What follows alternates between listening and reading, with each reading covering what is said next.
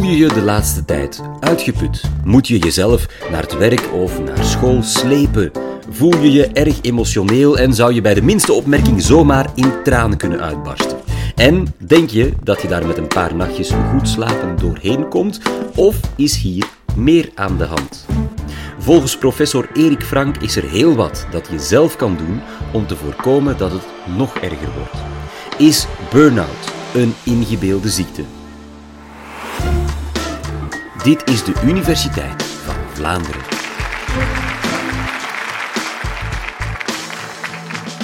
Ettelijke jaren geleden meldde een man van middelbare leeftijd zich aan in mijn praktijk. Hij was arts en hij vertelde me dat vier op de vijf dagen, wanneer hij naar het ziekenhuis rijdt, dat hij in tranen uitbarst. Hij was compleet uitgeput, zowel fysiek als mentaal. Had geen energie meer en moest zich elke dag opnieuw opheppen om naar het werk te slepen. Maar ook mentaal, hij voelde zich leeg. Hij vertelde me ook dat hij het zeer moeilijk had om zich te concentreren, concentreren op zijn consultaties, te concentreren tijdens operaties en een boek lezen ging haast niet meer. En verder had hij ook heel veel emotionele klachten. Het minste wat er misliep, leidde bij hem tot een waaier aan meestal negatieve emoties, zowel in zichzelf als naar anderen. Nu, op een gegeven moment stelde hij ook in vraag waarom doe ik eigenlijk wat ik doe? Wat ben ik waard? Ben ik wel een goede arts? Hij zei me nog, ik heb altijd hard gewerkt. Hoe komt het dat dit nu niet meer lukt? Wel, deze man heeft eigenlijk een burn-out. Maar wat is een burn-out eigenlijk? Iedereen heeft een bepaalde stressweerbaarheidsgrens. Stressweerbaarheidsgrens betekent de mate van stress die je aan kan. Dat is een combinatie van biologische factoren, aanleg, maar ook de manier waarop je hebt geleerd door je opvoeding om met problemen om te gaan. Nu, in ons leven hebben we twee vormen van stressoren. We hebben acute stressoren, die zijn zeer afgeleid in de tijd. Denk maar aan een deadline die je moet halen. Daarnaast hebben we ook chronische stressoren. Chronische stressoren zijn veel minder afgeleid in de tijd en zijn continu aanwezig. Denk maar aan je elke dag moeten verplaatsen of in de file hangen. Denk maar aan een constante werkdruk of een slechte relatie met collega's of leidinggevenden. Vroeger dacht men dat totale stress gelijk was aan de hoogste van de twee. Maar dat is niet zo. Ze werken cumulatief. Meer nog, chronische stressoren hebben een veel nefastere impact dan acute stressoren. Die verhoogde stressniveaus gaan er op langere termijn voor zorgen dat je stressweerbaarheidsgrens naar beneden gaat. Nu, we hebben vooralsnog geen exacte manier om dat te meten, maar je kan het wel weten. Want je lichaam gaat bepaalde signalen en symptomen geven, symptomen van overspanning of uitputting. Nu, dan komen we in een gevaarlijk straatje. Want mensen die gevoelig zijn voor een burn-out, gaan dat gaan compenseren door meer inzet of meer moeite te doen. En u kan begrijpen dat op een gegeven moment het spagaat tussen de moeite die mensen doen om te compenseren en de gedaalde stressweerbaarheidsgrens te groot is, waardoor soms van de ene week en soms zelfs van de ene op de andere dag het kaartenhuisje in elkaar valt. Nu, wat is een burn-out eigenlijk? Wel, een burn-out wordt gekenmerkt door drie belangrijke symptomen. Ten eerste de uitputting. Zowel fysiek, geen energie meer, als mentaal, je leeg voelen. Ten tweede emotionele ontregeling. Ik noem het al eens een emotionele rollercoaster. Er gebeurt iets in je omgeving, er loopt iets fout en onmiddellijk geeft dit een waaier aan emoties, zowel in jezelf en soms ook gericht naar de buitenwereld. En ten derde cognitieve ontregeling. We zien dat die chronische stressniveaus niet alleen je emotiecentrum, maar ook je prefrontale cortex gaan beïnvloeden, waardoor je veel meer moeilijkheden hebt om je te concentreren, je aandacht te houden, te focussen en soms zelfs geheugenproblemen worden gerapporteerd. Hoe gaan mensen daarmee om? Wel, en dat is het vierde kenmerk. Heel vaak gaan mensen afstand beginnen nemen van het werk. Ze stellen in vraag waarom doe ik nog wat ik doe? Wat is de zin van mijn werk? En dan hebben we nog twee secundaire symptomen. De psychosomatische klachten, want heel vaak vertalen chronische stressniveaus zich in fysieke ongemakken. maar ook psychische spanningsklachten worden heel frequent gerapporteerd. Nu, burn-out is een werkgerelateerde aandoening. Dat betekent eigenlijk dat het een combinatie is van werkgerelateerde factoren en individuele factoren. En ik kan dit niet beter illustreren dan met het KOP-model. Een klacht is functie van de omgeving maal de persoon. Nu, wat worden in onderzoek geïdentificeerd als die factoren die meespelen, zowel op vlak van de omgeving, het werk, als op vlak van het individu? Wel, voor eerst een overdreven werklast. Ten tweede, een gebrek aan autonomie. Dat wil zeggen dat je niet de regelruimte hebt, niet de mogelijkheid hebt om zelf beslissingen te nemen of om je werk te organiseren. En ten derde, een gebrek aan verbondenheid of sociale steun van je leidinggevende of van collega's. Op individueel niveau zien we in onderzoek dat de heel ambitieuze mensen een hoger risico lopen. Maar ook jongere mensen. Voornamelijk omwille van het feit dat zij meerdere verantwoordelijkheden, zoals een gezin hebben, een huis kopen, vrienden hebben en dan nog op het werk moeten investeren, omdat ze die rollen met elkaar moeten combineren. Maar ook workaholics, mensen die werkverslaafd zijn, die heel veel uren werken, lopen meer risico. En tot slot mensen die de neiging hebben om negatieve emoties te ervaren en zij die het heel moeilijk vinden om grenzen te bewaken. Nu, ik ga me in het volgende wat meer inzoomen op de individuele kant van burn-out.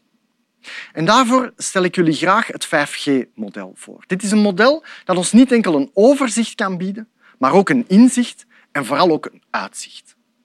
Ik zie mensen in feite als drie tandwielen. En dat is het tandwiel van de gedachten, het tandwiel van de gevoelens en het tandwiel van het gedrag. En als alles goed gaat, dan draaien die tandwielen mooi op elkaar in. Maar het leven zou veel te gemakkelijk zijn moesten wij niet van tijd tot tijd worden getriggerd door gebeurtenissen rondom ons. En ik ga dit model illustreren aan de hand van een verhaal van een van mijn cliënten. Het was een dame die een relatie had van tien jaar en zij had op een gegeven moment voor de COVID-19-pandemie een romantisch weekend gepland met haar partner. Op vrijdagavond had zij een goed restaurant geboekt in het centrum van Antwerpen. Op zaterdag had ze een wellnesshotel geboekt in het centrum van Rotterdam. Ze gingen daar een ganse dag, sauna, massages. En s'avonds gingen ze blijven eten, gastronomisch diner en overnachten. En op zondag had zij een geleide rondleiding geboekt in twee musea in het centrum van Rotterdam. Waren het niet dat de vrijdag voor het romantisch weekend smiddags ze telefoon kreeg van haar leidinggevende met de vraag Goh, ik heb een groot probleem. Ik heb hier een visietekst van de afdeling en het directieteam wil tegen maandag dat die visietekst wordt gepresenteerd. Ik zou heel graag hebben dat jij die tekst nog eens bekijkt, je aanvullingen geeft en alle fouten eruit haalt. Nu, op vrijdagnamiddag had zij een aantal vergaderingen gepland. En dus deze gebeurtenis triggerde bij haar iets wat zij in haar leven had geleerd. We noemen dat in de psychologie een cognitief schema. Nu, zij had in haar leven geleerd dat ze mensen moest plezieren. U kan begrijpen dat op dat moment, wanneer dat schema automatisch wordt geactiveerd, dat aanleiding geeft tot een aantal automatische gedachten. En ze dacht onmiddellijk, oh nee, hoe kan ik dit combineren? Onmiddellijk geeft dat aanleiding een gevolg op het tandwiel van de gevoelens. Ze ervoer heel veel spanning en hoe meer spanning je ervaart, hoe meer je begint te pieken. Nu, de vraag is, wat gaat iemand die heeft geleerd in zijn of haar leven om mensen te plezieren, wat gaat hij doen? Gaat hij naar de leidinggevende zeggen, oh, sorry, lief dat je het vraagt, maar je hebt het veel te laat gevraagd, doe het zelf. Of, zo ook mijn cliënten, bel je dan naar je partner en zeg je, schateke, we hebben een probleem. Meer nog, ze zei, schateke, we hebben een probleem. Misschien moet je zaterdag ons moeken meenemen naar de sauna.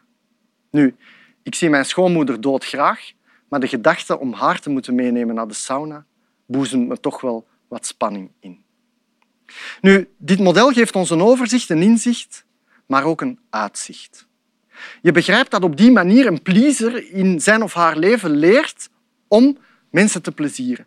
De perfectionist gaat leren dat perfectionisme werkt. We noemen dat een visieuze cirkel, maar alles werkt zo lang tot wanneer het niet meer werkt. En de vraag is dan ook, wat kan je doen om een burn-out te voorkomen? Nu, ik zeg al eens, als je niks verandert, verandert er niks. En de vraag is, wat kan je doen om het te voorkomen. Want preventie is beter dan behandeling. Mensen met een burn-out zeggen me al eens ik zou veel liever mijn arm of been breken, daar kan je een pilletje voor nemen en de pijn is weg. Maar tegen psychische pijn is vooralsnog geen kant-en-klare oplossing. Nu, burn-out is een verhaal van te veel, te lang en te weinig. Te weinig recuperatie. Dus stap 1 is neem voldoende recuperatie. Een marathonloper zal bijvoorbeeld tijdens het trainen van een marathon leren om te versnellen, maar ook te vertragen, om zodanig zijn lichaam te laten recupereren tijdens het lopen. Ik vergelijk dan ook graag het leven alles met een marathon. Af en toe moet je leren recupereren. Beweeg. Zowel fysiek als mentaal. Fysiek betekent ga wandelen. Wandelen is een ideale manier, blijkt uit onderzoek, om chronische stressniveaus actief te reduceren. Maar ook mentaal bewegen. Word je geconfronteerd met een verandering, kijk dan niet naar datgene wat er niet is, maar zoek de opportuniteit en maak er het beste van. Neem af en toe eens tijd om te letten op je buikademhaling. Er is heel wat onderzoek dat aantoont dat buikademhaling de vicieuze cirkel van spanning kan doorbreken. En trek je grenzen. Nee tegen de ander is ja tegen jezelf. Zoek verbondenheid op de positieve psychologie leert ons dat wanneer we ons verbinden met anderen, dat ons gelukkig maakt. En als we gelukkig zijn, hebben we een grotere buffer tegen chronische stress. En trek de natuur in. De natuur heeft meerdere positieve effecten. Het tempo van de natuur is trager dan het tempo van technologie. En bovendien biedt het ons een ruimer perspectief, wat maakt dat we dingen beter kunnen relativeren. Vermijd om te piekeren. Piekeren op lange termijn gaat de vicieuze cirkel van spanning alleen maar vergroten. Dus zoek iets anders om te doen. En maak een plan van aanpak. Al dan niet samen met iemand. Zoek verbondenheid op het werk en ga naar die personen die je kunnen helpen om je job aan te passen. Praat met je leidinggevende collega's of preventiemedewerkers. En tot slot, richt je aandacht op die dingen die je wel kan veranderen. Zo ook onze arts. Hij heeft uiteindelijk niet zoveel veranderd. Maar vaak zijn het kleine dingen die je kan veranderen die een groot effect hebben. Dus bestaat een burn-out? Ja, een burn-out bestaat wel degelijk. En voorkomen is beter dan genezen.